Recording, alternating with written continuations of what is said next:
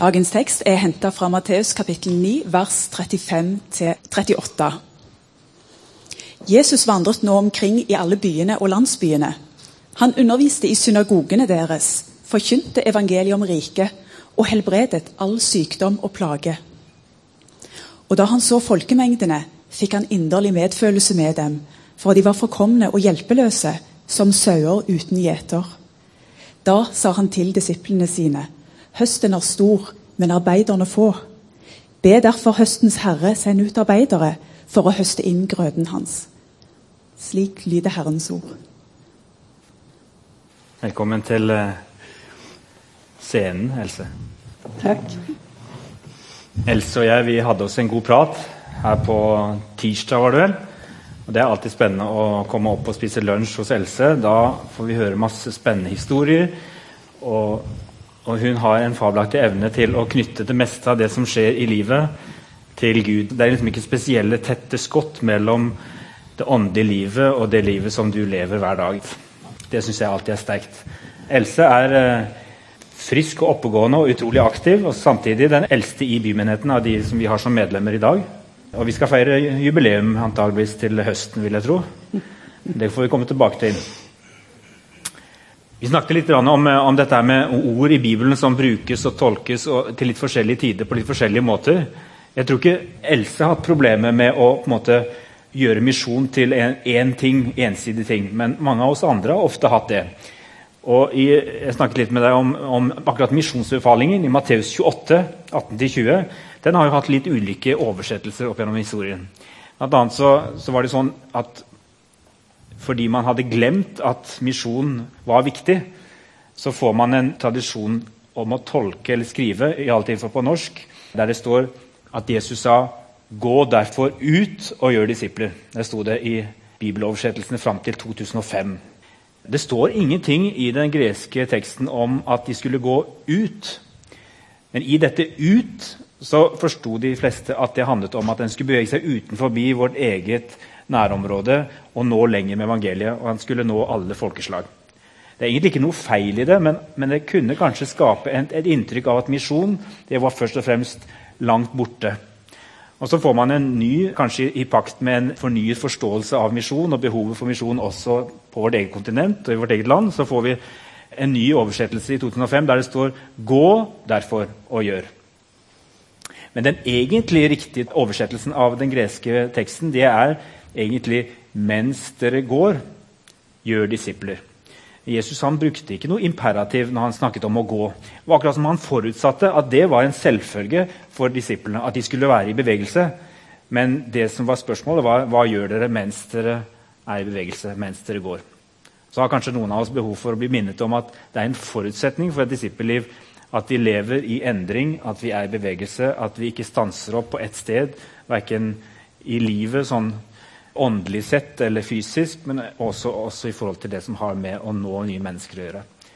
Men for deg, Else, så har det med misjon vært noe av det som har fylt hele livet ditt. Og når du tenker på misjon, så har det like mye vært misjon i nabolaget som misjon i Kina. Si litt først om hva misjon i nabolaget her på Gandal har betydd for deg. Du var yngresleder, og du var leder for eh, torsdagsklubb. Da hadde dere det i kjelleren. Fortell litt om det. Ja, Yngreslaget, det må jeg si Jeg hadde så lyst til å være sammen med ungdommene. Men jeg kjente jo på det at jeg var litt sånn uverdig for dette her. Jeg måtte få et ytre kall, og så kom det ytre kallet fra lederne i Yngres. Og jeg ble kjempeglad. Og der var jeg i 16 år. Og jeg tror jeg tør telle på ei hånd de gangene jeg grudde meg til å gå på Yngres. For det var så kjekt. Og jeg, det inspirerte meg.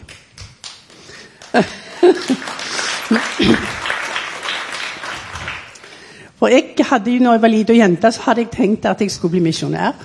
Sånn som pappa. Å ja. Men Gud ville annerledes. Og jeg tror vi skal være misjonærer det vi er. Og så fikk mannen min han fikk et kall til å starte opp i, i kjelleren hjemme med gateklubb. Og det var en så å si 100% oppslutning. Og det kallet fikk jeg lov å dele, og det var veldig gildt. Så vi snakket eh, sammen på forhånd, så sa du at eh, vi kan snakke om misjon og Kina, mye forskjellig, men jeg må få lov til å si noe om barna, sa du. Ja, for altså, hvis ikke vi får tak i barna våre og får sådd Guds ord i barna, så kan vi heller ikke sende ut misjonærer. Og Guds rike vokser ikke i Norge hvis vi ikke så Guds ord inn i barnehjertene. Så for meg har det vært utrolig om å gjøre å få lov å dele Guds ord med barn og ungdom. Og gjennom leirer og leirarbeid. Det var veldig kjekt. Har du sett at det har båret frukter? Ja, jeg har bøtt en del etterpå. Noen lurer på hvorfor vi gjorde dette her. Og, og, mange av de som har gått på de yngre, så de i gateklubben òg, har blitt aktive i misjonen etterpå. Vi har vel minst én her i menigheten som er frukt av uh, yngresarbeid, har vi ikke det? Er du her, Kari? En av disiplene til Else.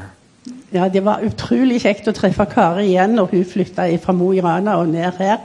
Og vi ble stående utenfor eh, gartneriet på Sandve og prate og prate og prate i lange tider. Veldig kjekt, Kari. Nå er hun med i bønnearbeidet her òg. Og så har du skrevet bok her eh, for et par år siden om dine foreldres eh, liv som misjonærer. Alene i krig og fred. Smerte og glede i tjenesten. Den skal vi snakke litt om. Fortell litt om denne reisen som dine foreldre foretok til Kina i en, eh, en ganske annen tid enn vår. Ja, Mor og far de kom fra forskjellige kanter i landet. Pappa fra Sogn og mor fra Halden. Og de traff hverandre på Fjellhaug misjonsskole. Og ble kjærester. Og jeg har fortalt litt om det frieriet i boka mi. For det var veldig spesielt, for pappa var misjonen nummer én. Og hun måtte være nummer to i livet. Men hun visste nok ikke hva hun sa ja til. Men hun var jo veldig forelska i denne fine mannen.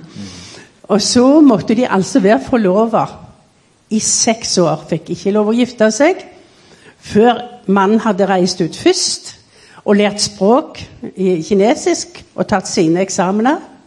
Og så kunne dama få komme etterpå. Og så måtte hun være ett år og lese språk. Og så kunne de gifte seg. Og det bryllupet det har jeg òg fortalt om i boka mi. Så kom de til Kina. Ja. Eh, og, og, hva skjedde der i, i 1931? De opplevde jo veldig masse forskjellig med pistolen foran seg. Så det er mange spennende historier i boka. Men det som jeg husker best, og som mor fortalte på sengekanten til oss, det var at eh, ikke fullt et år etterpå de hadde gifta seg, så måtte de flykte hals over hode fra alt de hadde. De satte noe inn hos noen eh, fattige folk. For som regel så gikk de ikke inn til fattige folk, disse røde. Og så flykta de flere plasser, og det ble stengt. Og så flykta de til slutt til en liten by som heter Yingyang. Og alle misjonærene som da var samla fra rundt omkring den byen Det var 28 mennesker med smått og stort.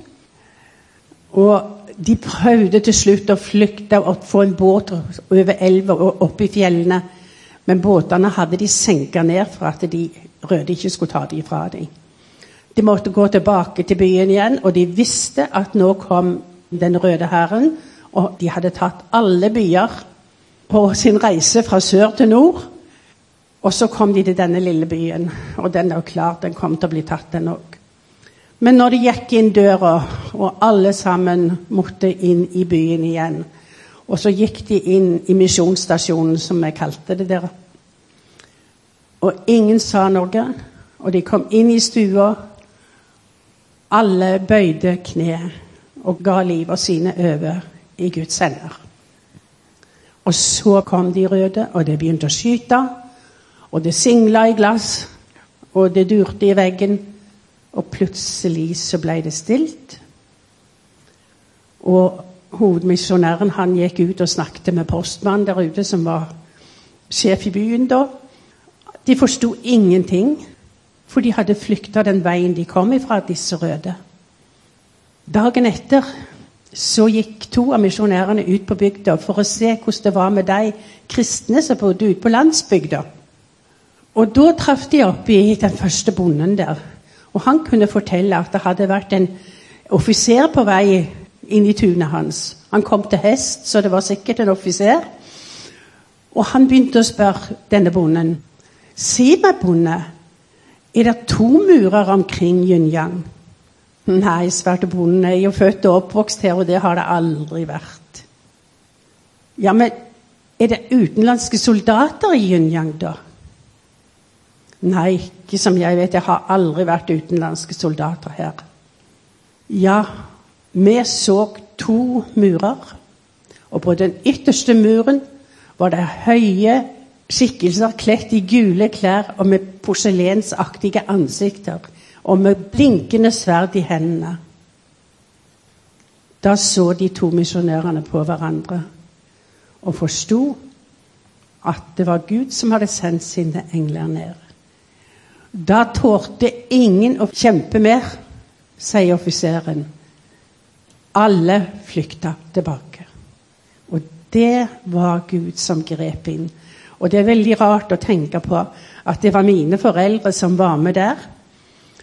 Og Gud er den samme i dag. Når vi setter vår lit til Gud, så har Han all makt i himmel og på jord. Og vi som er her i menigheten, vi er i Guds hender i alt som med oss skjer. Ja. Takk skal du ha, Else. Og så gikk dere videre. Det var sterke historier knytta til eh, det misjonsarbeidet i Kina. Det var et såmannsarbeid. Din eh, mor og dere barna dere måtte være hjemme i Norge en periode, mens eh, din far fortsatte arbeidet fram mot rett før andre verdenskrig. Da dro han aleine. Det ble Ja. en lengre periode enn det han hadde lovet. Mm. Det skulle ta fire år, og så mange år tok det? Åtte. Åtte år før dere så han igjen, ja. Så i 1936 så kom jeg på ferie hjem til Norge, og da ble jeg født. og så ble det så urolig i verden. Japan kom i krig med Kina, og Tyskland kom jo og tok Norge. Og all forbindelse med Kina, den holdt opp. Men mor sa det når hun fulgte pappa på toget i Oslo. Det var en fryktelig smerte inni henne. Jeg tror aldri jeg kommer til å klare en sånn smerte en gang til for en adskillelse. Ja, men det blir bare fire år, sa far. Og så ble de fire år til åtte. Og vi hadde ingen kontakt utenom ett brev som jeg kan huske, og ett lite telegram fra Røde Kors. Deres mann har det bra. Hilsen X. Ja. Omsider så, så var krigen over, og det tok litt tid enda etter krigen også. Men eh, var det i 1946 at dere så han igjen? Ja, I 1946 så jeg pappa igjen. Da var jeg ti år. Og vi ble veldig gode venner. Og de andre to søstrene mine de er eldre enn meg. Og da var de såpass voksne at de fikk ikke den kontakten med far som jeg fikk. Men far og jeg ble veldig, veldig gode venner, og det vennskapet varte hele livet. Dere kunne ikke reise tilbake til Kina, eller din far, verken din far eller din mor. eh, Hva var det som skjedde da, eh, rett etter krigen i Kina, som eh, på en måte stengte noen dører? Etter krigen kom altså Mao, Mao Zedong til makta. Og han ville ut med kristendommen og inn med den lille røde boken. Og de skulle altså ikke få lov å be til Gud eller noen ting. Men det hadde sådd et frø, og det er jeg så opptatt av at Guds ord, det er frø, og Bibelen er en frøpakke. Og vi skal få lov å ta de frøene, og så skal vi få lov å sette dem i jorda. Og det var altså spesielt ei dame som vi snakket om, som heter Marie Monsen, som kom fra Bergen. Og hun var lærerinne, men hun levde veldig nære Gud. Og hun fikk lov å stå i store vekkelser, spesielt blant de som var ansatt i misjonen, og blant de som jobba der som lærer og sånn, og var kristne. Og mange, mange andre òg. Men de fikk oppleve et nytt liv med Gud, disse. Og jeg tenker spesielt på misjonær Asbjørn Aavik, som fikk et møte med Gud gjennom henne. Og så har dere senere hørt om barnebarn og oldebarn troende kristne i Kina i dag som skriver sin historie tilbake til eh, bl.a. Marie Monsen. Ja, jeg har truffet eh, kinesere her i Norge, kristne kinesere, som har sine aner. De sier bestemor eller oldemor var altså, ble kristen under Marie Monsen.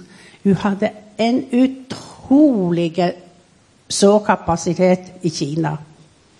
Og så gikk altså kristendommen gikk under jorda. Og det ble dannet husmenigheter rundt om i Kina. Og de var veldig, veldig hemmelige. Men i dag? Men i dag så har frø ligget i jord og spirt, og millioner tar imot Jesus. Og jeg tror mange kan være relaterte tilbake til Marie Monsen og det arbeidet som de norske misjonærene og de utenlandske sto i i den tida. Du er opptatt av dette med det såmannsarbeidet. Altså, din far han, han, var jo ikke rett å hanskes med når det gjaldt dette misjonskallet. Jeg tror kanskje det kona hans sa ja til, det, det, var kanskje større enn det hun var klar over. når han sa at du må huske det, at uh, tjenesten vil alltid stå først for meg. Da du kom tilbake til Norge, så gikk det ikke mange år før han, uroen var i kroppen hans, og han fikk en telefon. Uh, hva slags telefon var det? Jeg må bare si det at eh, vi flytta fra mm, Østlandet og hit, for vi fant ikke noen annen plass å bo. Og så bygde de misjonærheim her på Gandal. Og i sin reise rundt i landet så fikk far nyss om dette og snakket med mm, regionlederen da, Tore Borten. Og så fikk vi lov å flytte inn i et helt nytt hus i Gandal. Men det var ikke bare bare for oss som var veldig bonden til plassen vi vokste opp. Og alle sammen, alle vi tre jentene, havna på sofaen etter tur og grein. Vi hadde ikke lyst. Og det eneste som jeg visste om Jæren, det var rett og slett et steingjerde og ei skjelve, som de sier her, og et forblåst rognetre. Og dit skulle Else flytte fra sitt barndomsparadis ved Sponvika, rett ved Svinesund. Så kom det en telefon? Så kom det en telefon en kveld når vi satt her oppe på misjonærheimen og spiste kveldsmat. Og Det var rolig og fint, og hønene gikk ut før i hønegården sin og trippa og spiste. Og så ringer telefonen. Og så sprang jeg ut og tok den. Ja, det var for hovedkontoret til Misjonssambandet i Oslo. Kan jeg få snakke med din far? Og jeg sprang. Ja, pappa, det er til deg. Og han forsvant ut på gangen og snakket lenge. Og så kom han inn igjen. Hvem var det som ringte Alfred? Jo, det var fra kontoret i Oslo. De satt i hovedstyremøte. De skal ta opp en ny misjonsmark i Tanzania. Tanganika den gangen. Hva svarte du da, Alfred? Jeg svarte ja, selvfølgelig. Det var da mors hode datt framover. Mm. Enda en gang alene. For hun hadde tre tenåringer da, og hun kunne ikke reise fra oss akkurat da. Du har opplevd eh, misjonen så der på kroppen at det, det, har kostet ganske mye. Jeg tenker av og til at Det er jo ved Guds nåde at du har kunnet bli så glad i misjonen som du har blitt, selv om du fikk oppleve at du måtte dele pappa såpass mye med, med misjonærtjenesten. Men etter 50 års arbeid i Tanzania for Misjonssambandet så fikk du en invitasjon om å være med på markeringen der ute. og Da, da tok du med deg din sønn Jostein. Vi hopper fram dit nå og avslutter der. Dette er noen år siden nå. Da var Jostein sønnen til Else i ferd med å gå inn i en slags uh, en overgangsfase i livet. De hadde solgt uh, hus tror jeg, her på Sandnes. Ja, De hadde ikke solgt Nei, de, de, var, var i ferd med å flytte til Oslo og skulle jobbe sammen med Egil Svartdal hadde de tenkt, mm. i Oslo, i Filadelfia-kirken. Han var da knytta til Klippen her i Sandnes. Men så blir han med på denne turen, og hva skjer da? Ja, jeg må si at jeg fikk velsignelser i bøtter og spann. Men jeg hadde ikke lyst til å reise. Jeg hadde vondt i hofta mi. Og nei, det kan ikke. Og ingen av ungene hadde lyst til å reise når vi fikk den innvielsen. Men så satt jeg og ba til Gud den sommeren etter at hun var død. Og så hadde jeg så lyst til å reise vekk en plass. Og så ba jeg om det, at det måtte legge i veien noe for meg, så jeg kunne komme vekk. En halv time etterpå så ringer Jostein. 'Jeg vil til Tanzania, jeg, mor', sa han. Og da fikk jeg beskjed fra min herre og mester da skal du være med. Og Jeg var veldig redd for at den reisa, jeg ble urolig. Tenk om, tenk om, tenk om kunne skje i Afrika. Og da fikk jeg en beskjed til fra Gud, og han sa Hvorfor er du så redd, Else? Det er velsignelser jeg vil gi deg. Men at jeg skulle få de så mye, det hadde jeg ikke trodd. Mm. Jostein han eh, opplevde på den turen å se det arbeidet som eh, din far hadde vært med og så inn, og fruktene av det arbeidet. Han så at uh, din far hadde satt i gang noe sammen med de andre misjonærene, og nå var det en stor kirke med mennesker fra alle generasjoner, og den vokste. Og da kunne en jo tenke at nå, nå fikk Jostein et kall til å bli misjonær i Afrika, han også. Men det var ikke helt det som skjedde. Men hva skjedde? Ja, Under stjernehimmelen i Afrika så fikk han et nytt kall til å gå hjem til Norge og plante menighet i byen sin. Og når han kom hjem, så begynte de møter hjemme i, i stua. Og så endte det opp i et diskotek på Sandnes og litt på hotellet der. Og det vokste og det vokste, og nå holder de til på Fredheim Arena på Sandnes. Det heter Intro. Og han kjente ansvar for å starte her i byen, og så, og så har han gått videre. Nå planter de i Stavanger, i Drammen, og de har i Oslo. I Tønsberg. Tønsberg. Kristiansand. Så introbevegelsen er en eh, stor bevegelse som spesielt når ikke minst de som er i generasjonen 20, 20 pluss. Og det er jo en aldersgruppe som det er fryktelig vanskelig å få til å passe inn i vanlig vanlige menighetsliv, f.eks. bymenigheten. Og jeg er veldig glad for det arbeidet som Intro gjør her i Sandnes, og som nå sprer seg over hele Norge. Og Det som jeg synes er litt viktig å få fram her, det er jo det er mange krokveier, og det er ikke alt som har vært like enkelt for deres familie, men du har likevel fått oppleve at uh, din sønn sa det er noe jeg har lyst til at mine barn skal få lov til å oppleve, og mine barnebarn skal få lov til å kunne se igjen sporene av at, uh, at jeg har gitt videre det viktigste i mitt liv. Mm. Slik som jeg har opplevd at uh, jeg kunne se sporene av min bestefars misjonsgjerning. Ja. Og det føler jo jeg veldig opp på. At vi må fortelle videre det vi har fått. Og så er det det å leve nær Jesus da, i ordet og i bønnen, som pappa òg skrev om. Vi i bymenigheten vi tenker også sånn om misjon. At misjon det er mens vi går. Og At noen av oss engasjerer oss lokalt der vi bor. Vi har ikke gitt oss på den visjonen som har fulgt menigheten helt siden begynnelsen, om at vi også skal være med og plante nye menigheter. Så på en eller annen måte så er det også en del av det vi fortsatt skal gjøre som menighet. Og vi søker og leter etter veier. Er det her i Sandnes? Nye fellesskap? Skjer det gjennom noen av dere som bor andre steder enn på Gandal allerede nå? Og tenker vi skal plante. Jeg tenker at Når vi starter nye cellegrupper, så driver vi dypest sett med planting. Ikke deling, men vi planter nye fellesskap. Og Det fortsetter vi med. Og så får vi lov til å sende noen. Vi skal sende en til Grimstad, som kanskje finner veien videre inn i misjonstjeneste tror jeg så Magnus her i dag. Han skal sammen med Simon begynne på Akta til høsten. Som også vil handle veldig mye om å finne veien videre i forhold til tjeneste. Vi har en familie. Eh, Lars Håkon og, og Tone Regine og ungene de drar et år opp til Nordland for å følge en slags eh, en lengsel etter å lære mer om eh, tjeneste med å gå på disippeltreningsskole. ungdom i oppdrag.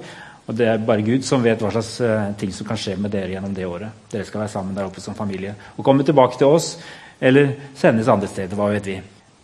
Sånn kunne jeg fortsatt og sagt det er ting som skjer i regi av vår menighet.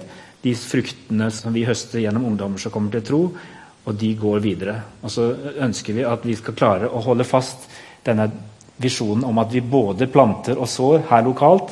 Og så får vi også lov til å være med andre steder i verden. Der hvor det kanskje er tyngst akkurat nå, det er i Midtøsten. For det er en del av Europa, en del av verden hvor de kristne flykter bort i store mengder fordi de ikke klarer å leve der lenger. Og Vi må være med og støtte og be for de menneskene som fortsatt sier vi har en plass her. Biskop Thomas vi har hørt om i dag, og mange av de han samler til leirer og forskjellig, det er noe av det vi får lov til å være med på i en del av verden i dag som har det mye tøffere enn det vi har det når det gjelder å bekjenne troen. Til slutt så skal vi få høre et dikt som du har skrevet om akkurat det med å drive såmannsarbeid. Men jeg vil si det, før jeg leser det diktet, så vil jeg si at du som hører Jesus til, og lever nær ham, det er viktig at du lever der du er, og lever i dag. Og alle skal ikke bli misjonærer, men lytt til Guds stemme, og hør hvor Han vil ha deg. Så kommer svaret, og så får du lov å gå skritt for skritt. Selv når jeg er så gammel som jeg er nå, så er det spennende å høre Jesus til. Dette diktet heter 'Arvesølv'. Og det er den arven vi skal få lov å bringe videre, som vi har fått fra våre foreldre og fra vår menighet. Guds ord, vår arv av sølv. Velsignelsen. Vi mottar den og vinner én. Den ene vinner mange. Det blir til gull i Guds rike. Mange vinner flere. Rikdommene vokser. Diamantene funkler. Én sjel er mer verdt enn hele verden. Takk, Jesus, for alle som gikk foran meg. Sådde Guds ord som viste meg livets vei. Takk for velsignelsen, vår arv, fra ett ledd og til neste.